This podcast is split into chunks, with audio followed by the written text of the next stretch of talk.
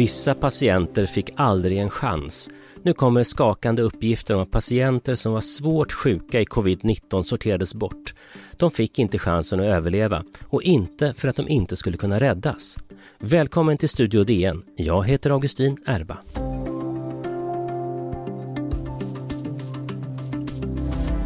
Sen, sen är, tror jag man kan eh, utan att blinka säga att de flesta av oss av läkarna inom verksamheten har ju den uppfattningen att vi har fått prioritera bort patienter som vi verkligen hade velat försöka behandla.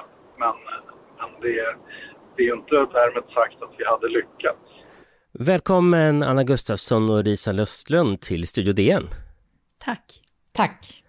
Eh, ni har graverande uppgifter om hur patienter som hade kunnat överleva har sållats bort. Men, men allra först så vill jag börja med att gratulera er för er bok om vad som hände på Nya Karolinska, en bok som heter Konsulterna, fick nyss Natur och kulturs stora pris. Grattis! Tack, Tack. så mycket. Eh, men nu till eh, dagens eh, ganska allvarliga nyhet. Vad är det som ni har fått veta?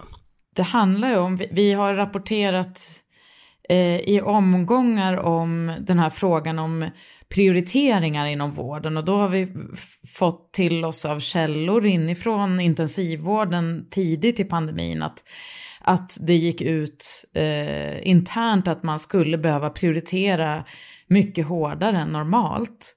Eh, och, och sen har vi fått rapporter och, och beskrivit fall där där äldre har prioriterats bort i vården, både på intensivvården och eh, inte ens har fått åka in till sjukhus trots att geriatriska platser och intensivvårdsplatser finns. Eh, och det, det, det, som vi senast har rapporterat om handlar ju om att det är läkare nu som säger att regioncheferna har återupprepat flertal tillfällen att, att man inte har gjort prioriteringar som är utöver det normala. Men det stämmer inte, det är en lögn, säger bland annat en överläkare på ECMO, IVA, eh, på Karolinska. För det som är också bestickande kan man säga i den här retoriken, eller vad ska jag säga, de här uttalandena som har gjorts från, från regionledningen, det är ju att det, det är att man har sagt att det finns lediga vårdplatser och därför har vi inte behövt prioritera. Men då finns det liksom en, ja, det finns liksom en diskussion då som handlar om att då får man en känsla av att det finns luft i systemet. Men enligt de som jobbar i vården så har det ju inte funnits någon luft Ja, för det som eh, har stått i DN tidigare, det var ju regionens chefläkare som sa, chefsläkare som sa till DN i mitten av april att vi har ett beslutsstöd från Socialstyrelsen kring prioriteringar som är aktuella vid resursbrist och där är vi inte nu.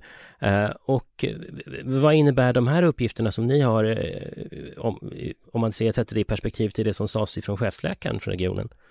Ja, men alltså, det chefläkarna har Alltså det, det, är väl hela tiden personer som har jobbat inom vården som har sagt, fast de har ju inte velat framträda, men som har sagt att det här som, det här som chefläkarna säger, det, vi känner inte igen oss i det, i våran verklighet. Liksom att, eh, att vi har, det, det, är också, det, det betyder liksom att man på pappret har haft, har sagt att vi har så många förberedda vårdplatser.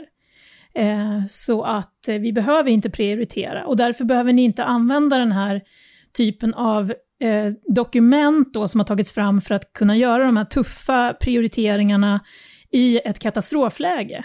Och det har man inte, då har man sagt från regionen, vi är inte i ett katastrofläge, vi behöver inte prioritera så hårt. Men de som jobbar i verksamheten har beskrivit en helt annan verklighet. De har sagt också att det här är en helt annan typ av intensivvård. Det är inte den intensivvård vi är van vid. Det är som de har liknat det vid krigssjukvård. Men varför har man inte, eh, varför har man gjort de här hårda prioriteringarna om det nu ändå har funnits platser kvar och det fanns ju ett helt sjukhus i Älvsjö, som, fältsjukhuset, som inte användes. Varför har man gjort de här prioriteringarna då? Men det, det, man säger är att det har inte funnits platser. Man har stretchat eh, verksamheten väldigt långt och, och eh, sänkt kvaliteten så att eh, färre personal har hand om många fler eh, patienter än tidigare inom intensivvården. Eh, sen har det Eh, förvisso stått verkligen tomma bemannade geriatrikplatser som, som, där vi har pratat med, med eh, verksamhetschefer på, på flera ställen som vittnar om det. Och där, i de fallen har det att göra med att att eh, man från läkarbolag som har haft hand om och ansvarat för vården i, på, på äldreboenden i regionen har beslutat om att inte skicka in äldre från boenden och hemtjänst i så stor utsträckning som, som man har haft plats för. Och det är det ju många anhöriga som har varit kritiska till att man inte har testat. Men om man, om man, om man, tittar, åt, om man tittar på det här igen då, alltså för, för, för, för en, någon lekman så, så, blir det, så, så blir det lite svårt att förstå för att det fanns ju, ett, det sades ju att det fanns ett antal platser på, på till exempel fältsjukhuset i, i Älvsjö.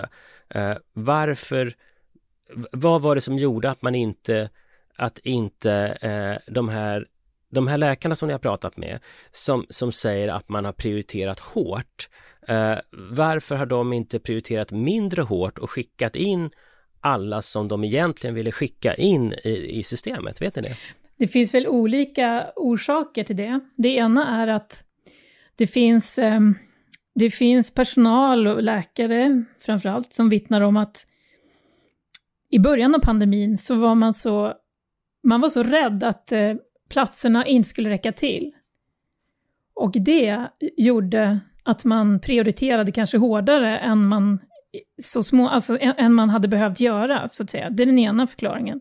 Alltså att man, tro, man trodde, man trodde att, att till exempel att man skulle vara översvämmad av patienter och då ja. ville man inte skicka in, man vill inte skicka in en 85-åring till mm. intensiven för då kan det ta upp en plats för en 30-åring som man tror ska ja. komma liksom om 3-4 dagar. Är det, så, är det så du menar? Ja, därför att det hade man ju sett i Italien, att platserna tog slut, därför att, eller att man la in kanske äldre patienter på intensiven och, och att det som skiljer covid-19 från, från vanlig intensivvård eller från influensapatienter, det är att vården, det krävs så långa vårdtider och därför blir den här, dels så, det tar väldigt lång tid, det tar, det tar, liksom, det tar mycket kapacitet och det, det är också väldigt slitsam vård liksom, för kroppen. Om du, ligger, om du måste ligga flera veckor på intensiven jämfört med med influensan kanske du måste ligga fyra, fem dagar, då i Italien såg man, då hände det att eh, de, det låg äldre patienter, för det var ju de äldre patienterna som blev sjuka först.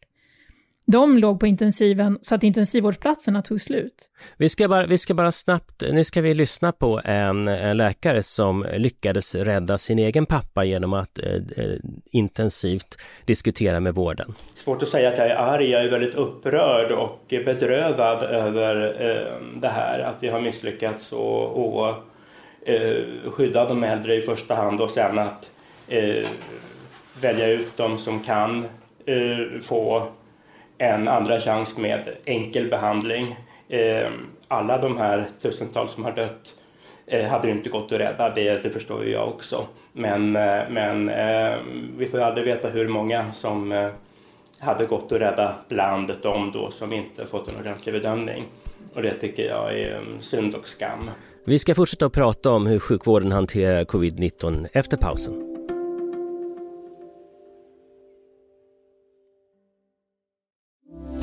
Vi har precis pratat om hur läkarna har beskrivit att de har varit tvungna att prioritera mycket hårdare än vad som har sagts eh, officiellt eh, tidigare när det handlar om vården av covid-19.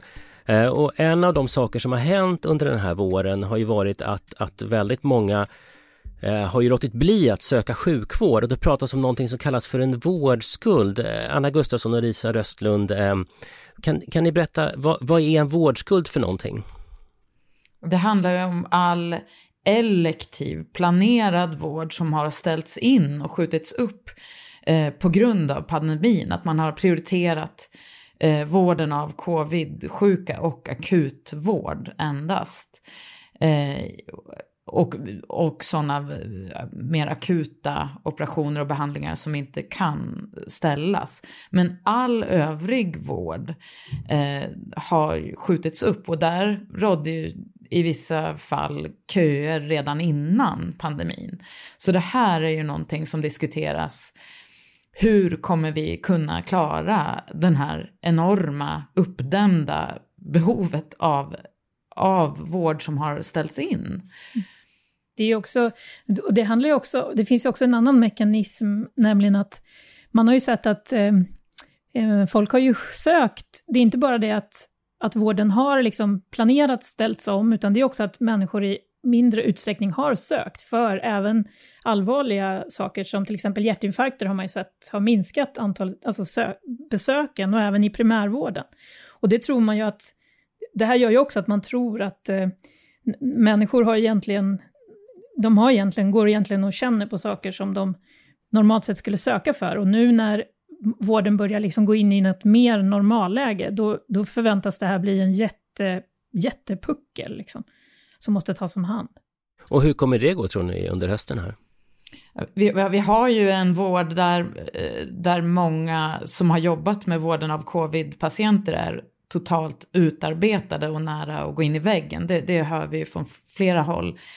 Och i det läget att ta sig an den här stora vårdskulden kommer ju bli minst sagt problematisk. Mm. Och som, till, som exempel också så är det ju mycket av, det är väldigt mycket av operationer som har blivit legat på vänt och det beror ju på att operationspersonal har ju, har liksom, eh, de har fått ställa om till att eh, vara, eh, jobba inom eh, den här covid-intensivvården. Eh, därför att de, där jobbar man också med narkos till exempel. Så det har ju byggts upp väldiga köer till operationer inte minst. Och den personalen är ganska slutkörd. Mm. Eh, en annan sak som, som, eh, som man tänker på lite grann när, när eh, ni berättar om hur, hur läkare har eh, prioriterat bort människor från intensivvård som kanske hade eh, kunnat överleva är ju att en av de stora siffrorna som, som de flesta av oss som, som följer det här följer är ju antalet inlagda på IVA. Eh, men om, om, om sjukvården då med flit inte har lagt in på många, så, så många på IVA som hade behövt ligga på IVA, eh, hur ska vi då förhålla oss till de här siffrorna om inlagda på IVA? Ja, det, det är ju en intressant fråga. Eh, jag intervjuade tidigt i pandemin en av eh, en av eh, funktionsområdescheferna på, på Karolinska som, eh, som var öppen med det, att man, man tittade tidigt på Italien och vad som hade hänt där. Och, och det, det här har även andra läkare anonymt vittnat om, att man, man sa eh, tydligt från början att vi ska inte ha de dödstalen på intensivvården som man hade i Italien, där man tog in så många, utan vi ska prioritera eh, och ha, sätta höga trösklar. Så, så det har ju gjort att eh, Sverige har en relativt hög överlevnad som man har pratat väl om. Men det är ju som du säger, det, det gör ju också att eh, antalet intensivvårdade reflekterar ju någonting som även speglar en hård prioritering. Mm. Och det utreds ju dessutom nu av Inspektionen för vård och omsorg, hur man har prioriterat. Mm. Eh, eh, det har ju också varit skillnad då på hur, eh, hur, hur, kraftfullt anhöriga har kunnat agera och vi hörde precis i förra delen av programmet hur en läkare som, som hade eh, ställt till eh, bråk för att han ville få sin far vårdad hur han beskrev, hur han beskrev det.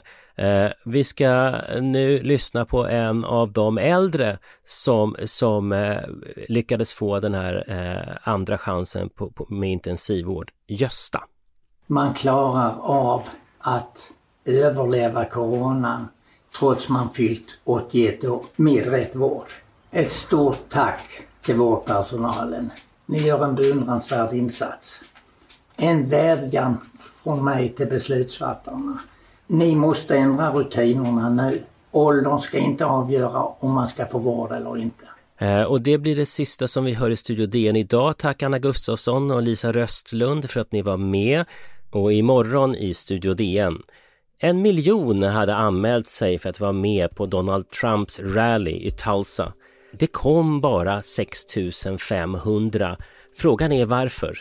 Imorgon presenterar vi teorierna. Studio DN görs av producent Sabina Marmulakai, eh, ljudtekniker Patrik Miesenberg, teknik Oliver Bergman, Bauer Media.